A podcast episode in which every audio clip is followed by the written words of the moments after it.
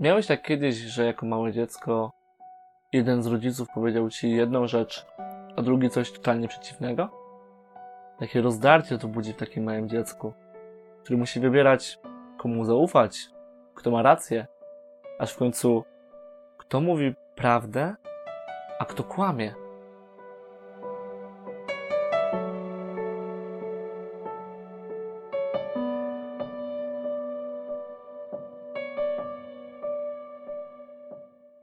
I właśnie o tym chciałbym, żebyśmy trochę dzisiaj pogadali.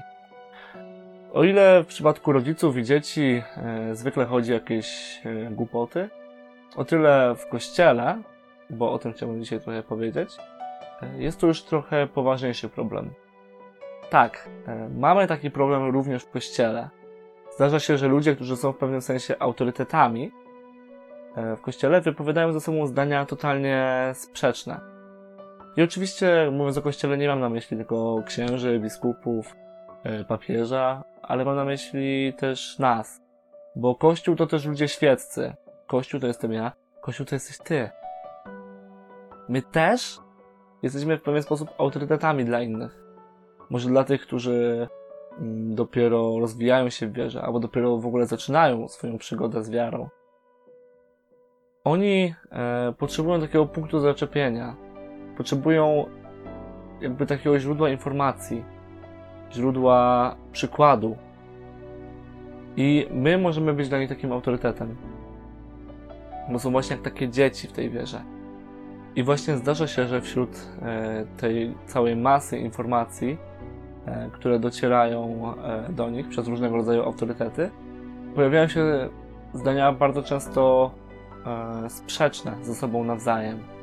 Słuchają e, jednej, e, jednego, nie wiem, kapłana, który mówi jedną rzecz, potem słuchają jakąś osobę świecką, która mówi e, jeszcze inną rzecz, a potem znowu jeszcze jakiegoś zakonnika na przykład, który mówi totalnie inną rzecz.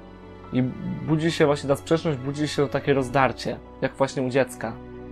I jakby, żeby to było jasne, e, nie chodzi mi o to, że nie możemy być różni. Jesteśmy różni, mamy różne zdania i to jest naturalne. To jest nawet na swój sposób piękne. Prostym przykładem jest choćby film Dwóch Papieży, e, gdzie właśnie e, jedni mówili, że to jest obraza i karykatura kościoła, inni z kolei, że to jest super, świetny film fabularny, a jeszcze inni mówili, że ani to nie jest jakieś wielkie dzieło, ani też nie uważa, żeby to miało Kościół w jakiś sposób urazić. Jesteśmy różni, na różne sposoby pewne treści odbieramy.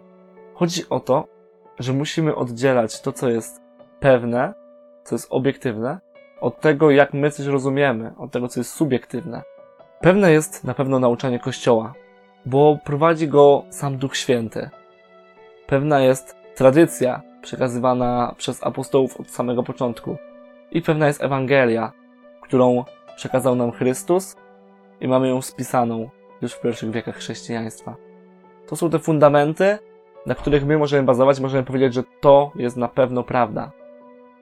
Za to powinniśmy oddzielić właśnie to od tego, jak my coś rozumiemy. Bo na różne sposoby, w pewien sposób e, odczuwamy, rozumiemy te treści.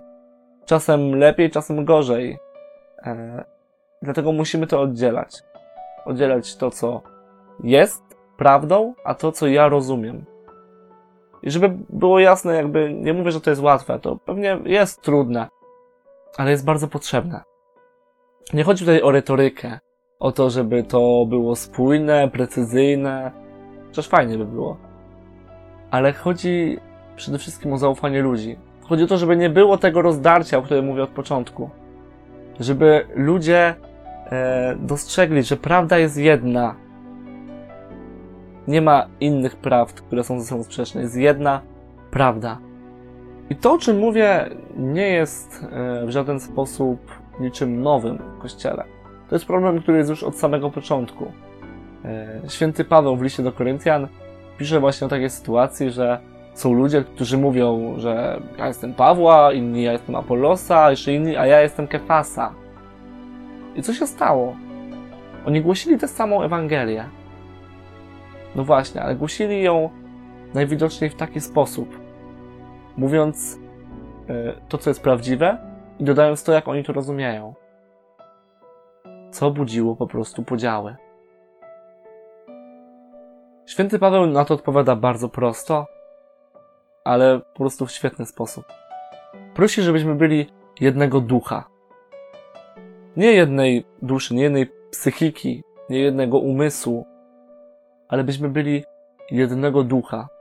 Czyli żeby w naszym sercu e, była ta jedna prawda. Prawda, którą jest Ewangelia, którą przekazuje nam Chrystus. Co to to, jak my ją rozumiemy, interpretujemy, w jaki sposób ona e, nas osobiście dotyka, e, w tym możemy być różni. Bo różne są dary, o tym też w liście do Koryntian mówi później e, święty Paweł. Jesteśmy różni i to jest piękne. I to jest ważne. Zatem musimy pamiętać, że właśnie prawda jest jedna i że źródłem całej tej prawdy jest Chrystus. Skąd w ogóle ten temat? Dlaczego ja w ogóle o tym mówię? Mój przyjaciel opowiadał mi raz, że rozmawiał z pewnym e, małżeństwem, z ludźmi, z ludźmi dorosłymi, e, którzy mieli pewien taki problem związany z wiarą i jakby chcieli go rozwiązać, chcieli e, jakoś ten problem e, naprawić, jakoś sobie z nim poradzić. I rozmawiali e, w sumie z czterema księżmi, z czego każdy powiedział im coś totalnie innego. Totalnie coś przeciwnego i często ze sobą sprzecznego. Oni już nie wiedzieli, co mają robić. Nie mieli pojęcia. Pogubili się. E, po prostu pojawiło się to rozdarcie, o którym mówię od samego początku. Autorytet, autorytet, w którą stronę iść. Skąd ja mam wiedzieć, że ten mówi prawdę, a ten nie? Kto ma rację? Postarajmy się, żeby takiej sytuacji nie było.